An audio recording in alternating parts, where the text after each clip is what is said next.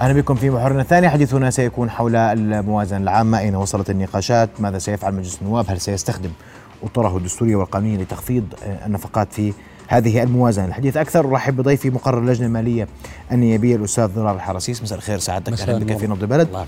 قبل ان اسمع وجهه نظرك نستمع لاراء مواطنين حول الموازنه العامه نتابع سويتها رؤيا بودكاست والله بالنسبة لموضوع الموازنة اللي أقرها مجلس النواب اللي هو الحالي هي زيها زي باقي الموازنات اللي أقرت من التسعة وثمانين لغاية الآن وهي يعني على الأغلب هي عبارة عن ورقة بس بجدد التاريخ لأنه آه، مجلس النواب بشكل عام هو غير مؤهل أنه يعمل موازنة تمام بسبب أنه لازم يكون في نواب آه، اقتصاديين والوضع يعني سيء سيء والله العظيم والله العظيم رفع السماء والارض انا باخذ خبز من صندوق آه، من صندوق المعونه 130 ليره وعندي اربع بنات وواحد ابن حلال ابن حلال كل يوم بيعطينا ربطه خبز عشان طعم الاولاد والله الموازنه صفر والوضع الاقتصادي كمان اقل من صفر والله شايف انا يعني سنه عن سنه الوضع يعني شوي شوي ما ما فيش امل شايف انه والامل بالله يعني شايفوا الوضع شمال لورا شوي احنا كل سنه بنسمع في موازنه جديده للدوله انه في تغيير وفي تجديد وللاسف كل سنه نفس المشاكل ونفس الشيء ما بنشوف اي تجديد عليها والوضع الاقتصادي للمواطنين يعني كل ماله بالنازل ما في تحسن ما في اي شيء ما في وضع اقتصادي اللي يرتفع للمواطن استاذ مساء الخير مره اخرى مساء النور سمعت اراء المواطنين بدي اسالك سؤال تفضل من اولها في جديد لا جديد انا مع راي المواطن ما فيش جديد لا جديد هي نفس ال... نفس اللي حكوه المواطنين احنا بالنهايه مواطنين ونشعر بذلك الوضع هي فعلا اذا بدك تحسبها هي موازنات مكرره اخذت صفه التكرار على جميع الحكومات السابقه والحاليه طب شو بتسووا؟ سيدي شو بنسوي؟ احنا آه. بتقول لي انه المواطن بيقول صح وهي موازنه لا جديد فيها اول شيء سيدي بس صلح معلومه ذكرها احد المواطنين مجلس النواب لا يعد موازنه، الموازنه تعد من قبل الحكومه وترسل بقانون الى مجلس النواب. طيب ويتم مناقشتها داخل قاعات مجلس النواب من خلال اللجنه الماليه وجميع النواب بيحضروا فيها. اثنين آه الوضع انه متكرر يعني الموازنه هاي لا تفرق عن الموازنه السابقه الا انه كان فيها هذيك كورونا بس. ولا نفس البنود هي هي يعني ما في احنا موازنه بنحكي عنها ما بدنا نجامل على حساب ارقام ما بتعرف العاطفه. الارقام الموازنه ارقام صعبه ايش يعني ارقام انت هاي عباره ارقام والله الموازنه ارقامها صعبه شو يعني ارقام سيدي انا لما بكون عندي في الموازنه في جانب النفقات في عندي فوائد الدين العام مليار و577 مليون وعندي عجز مليار و862 مليون بتحكي عن 3 مليار و300 مليون هذول بشكل تقريبا ما يقارب ال 30 او 33% من موازنه هذا عيب عليك اثنين الموازنه معروف عنها انها خطه برنامج للحكومه للسنه القادمه. اذا لم توفق الحكومه في كل ايراد ذكرته بهذه الموازنه سيترتب عجز.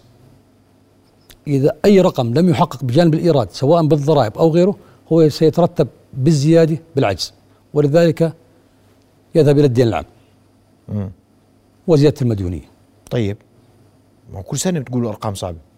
هذا يا سيدي يعني احنا بنحكي بواقع يعني ما حدش زهق من قصه انه ارقام صعبه لانه سيدي طب هي ارقام بتزبطش لا سيدي بتزبط اذا كان في تفكير خارج الصندوق لدى الحكومات وفي اراده حقيقيه بتشجيع الاستثمار تشجيع الامثل لما نحكي عن الاستثمار نحكي تشجيع امثل انك تنافس الدول اللي تستقطب الاستثمار بهذا الجانب اذا انت نافستها ما انتوا عملتوا قانون مش انتوا عملتوا بحوافز سيدي عملناه البيئه الاستثماريه عشان اكون دقيق قانون البيئه الاستثماريه مش انتوا اللي عملتوه؟ نعم طيب شو احنا قررناه سيدي اللي عملته الحكومه انتوا اقرتوه آه، ما انتوا نعم. اقرتوا بنوده نعم عدلتوه وعدلناه وصار عليه تعديل كثير يعني في مداخلات للنواب كانت بيه جيده وكان في تعديل كثير في المفرقة. هسه القانون الاستثمار البيئه الاستثماريه اللي عملناها جيد اذا طبق على ارض الواقع بحذافيره طبق؟ الان احنا التشريع ما صار له شهر يعني لغايه الان يعني لا لا. والبيئه الاستثماريه لغايه الان ما اخرجوا لغايه الان يعني وزاره الاستثمار لم تصدر التنظيمات ال ال الانظمه بما يتعلق بالقانون معنى كلامك انه لساته حبر على ورق لغايه الان قانون مجرد حبر على ورق نعم ما القانون الذي لا يطبق حبر على ورق نعم نعم ما دام ما صدرت فيه تعليمات وانظمه اللي ترجم واقع القانون هذا فهو حبر على ورق طب ليش؟ والله مش هذا انت عجز جايتك موازنه بتقول لي رقمها صعب؟ صعب نعم والله الوضع صعب نعم طب الوضع صعب ليش ما يفعلوا الاجراءات اللي بتخفف من الرقم الصعب سيدي والله اليوم الصعب. كانت عندنا وزاره الاستثمار آه. تم سؤال السؤال هذا شو جاوبت؟ اللي هي ب- ب- بتحجج انه احنا في طور اعداده شو هو حتى احد بالضبط؟ الزملاء حتى احد الزملاء قال له احنا طرنا اكثر من شهر ونص قرينا ال- البيئه الاستثماريه المفروض نكون مستعدين بالانظمه لما جبتوا لنا القانون لانه الانظمه شو هي- جاوبوكم؟ هي قالت انا عندي لجان شغاله وان شاء الله في اقرب فرصه راح تكون صدرت الانظمه ايش يعني اقرب والتعليمات. فرصه؟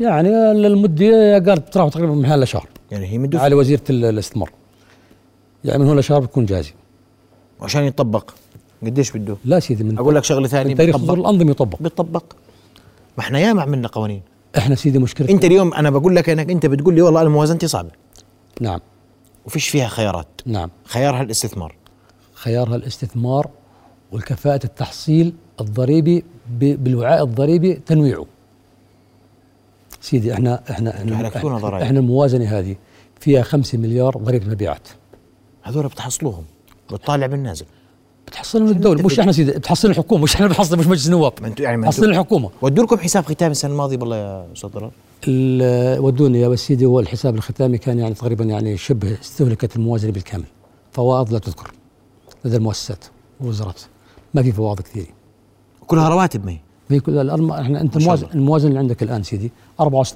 منها نفقات جاريه رواتب وعندك تقريبا حوالي ما يقارب ال 20% من او 16% خلينا نكون منطقيين فوائد دين عام وعجز فبصفي عندك انت قاعد تشتغل الم- الحكومه كلها ما يعادل 5% من موازنتها نفقات تشغيليه يعني حكي فاضي يعني آه، اه او لا سيدي احنا احنا حتى حتى بالتخفيض اذا رحنا باتجاه التخفيض في الموازنه ما في امامنا غير نفقات تشغيل نخفض منها. احنا لا يمكن نذهب باتجاه النفقات الراسماليه. احنا بالعكس نشجع طب طيب ليش ما تخفضوها النفقات التشغيليه؟ ايش شو شو النفقات التشغيليه؟ بعد الفاصل بسمع منك، فاصل قصير وثم نواصل قوما.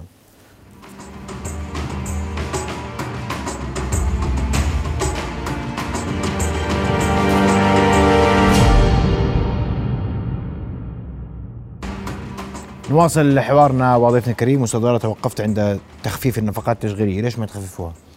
لشو؟ سيدي احنا على مدار العامين السابقات احنا ذهبنا باتجاه هذا وخفضنا اول سنه تقريبا حوالي ما يقارب 50 مليون والسنه الثانيه خفضنا ما يقارب 48 مليون من النفقات التشغيليه. شو يعني؟ العقوبة. مش كثار. سيدي قديش الفائض في الموازنه الماضيه بالحساب الختامي؟ ما في تكون لا فوائد يذكر فيه. ما, ما تجاوز 50 مليون كله على بعضه كله على بعضه كله على بعضه ما تجاوز 5 مليون وين بصرفوهم؟ هسه هي احنا لما قلنا لك ان الموازنه هي 64% منها رواتب مم. يعني هو الجانب الوحيد قديش اللي في خلينا نقول مكافآت ممكن يصير؟ توفر فيه اللي هو جانب النفقات التشغيليه فقط لا غير قديش في مكافآت تنصرف؟ في دوائر بتاخذ مكافآت وهي للاسف يعني للاسف هاي بنسجل عتبنا على الحكومه فيها انه شو عتب؟ العتب على الحكومه فيها الكتاب. أستاذ ضرار. لانه المكافآت سيدي المكافآت انت بتعاتبش المفروض لا أنت سيدي قرار. المكافآت احنا بنعتبنا عليها انه المكافآت لا تشمل جميع موظفين الدولي هناك مؤسسات تتقاضى مكافآت وهناك مؤسسات محرومه منها بالكامل ولذلك مجلس النواب راح نذهب باتجاه المكافآت ان شاء الله بالتخفيض فيما امكن وراح نوجه احنا تعرف انه احنا يعني ما بنقدر نلزم احنا بالتوصيات تبعتنا راح نوجه الحكومه على تعميم مكافآت جميع الموظفين والتخفيف منها كيف مش فاهم كيفك تعمم وتخففها؟ يعني بت- سيدي تعمم بتش معي. نعمم نعم سيدي معلش هسه عندك مثلا موظفين وزاره الصحه آه. في جانب معين بوزاره الصحه بوخ مكافآت اللي هو جانب الاطباء والتمريض والكذا عندهم مكافاتهم عاليه بالجانب الاداري الطاقم الاداري كله ما عنده مكافآت عندك مؤسسات تتقاضى مكافاتها تبلغ تقريبا اكثر من 100% من راتب وين هاي؟ مثل مؤسسات آه، دائرة الجمارك آه، دائرة الضيبة آه، بعض الدوائر آه، الموجودة بالمؤسسات يعني المؤسسات المستقلة عندهم مكافآت آه، أرقامها عالية الوحدات الحكومية وما تقدرش تمنعها انت توقفها بدك تقدر تنزل انت احنا احنا بالتخفيض سيدي طب أنا قلت لك خفضها. احنا عشان- عشان احنا نفقات خفضها. احنا بالدستور عندنا صلاحية تخفيض ولا نق- تستطيع أن نزيد نفقة طب خفضها ما هي بتقول لي انت هاي في هاي في في مؤسسات احنا خلال تخفيض العامين خفضها. احنا خلال العامين الماضيين اشتغلنا بال- بالتخفيض وخفضنا مم. يعني ببعض الدوائر كان مثلا جايبين في زياده على السياحه والزراعه مش كثير سيدي ليش؟ مع مقارنه مع الموازنه السابقه وأنتوا ليش كنواب اليوم ما تطلبوا من الحكومة؟ المبالغ مش كثيره ليش ما زيادة. تحولوا من النفقات الراسماليه؟ سيدي انت تعلم انه تقريبا حوالي ثلث الموازنه يذهب باتجاهين باتجاه الصحه والتعليم هاي الكوادر اللي عندها عالي يعني اعدادها مرتفعه ولذلك تقريبا يعني تقريبا ثلث الموازنه تذهب لهم عندك ثلث يذهب للجهاز الامني والعسكري والثلث الباقي لبادئ المؤسسات والدوائر يعني لا يعقل انه انك تخفض بشكل انه يكون ياثر على على على على, على معيشه المواطن اللي هو الموظف ال- بالنهايه اذا خفضت انت بجانب انه يكون كبير انت بتاثر على معيشته ولذلك اتفقتوا مع إحنا- الحكومه كيف تسلمكم حسابات ختاميه السنه ولا كيف؟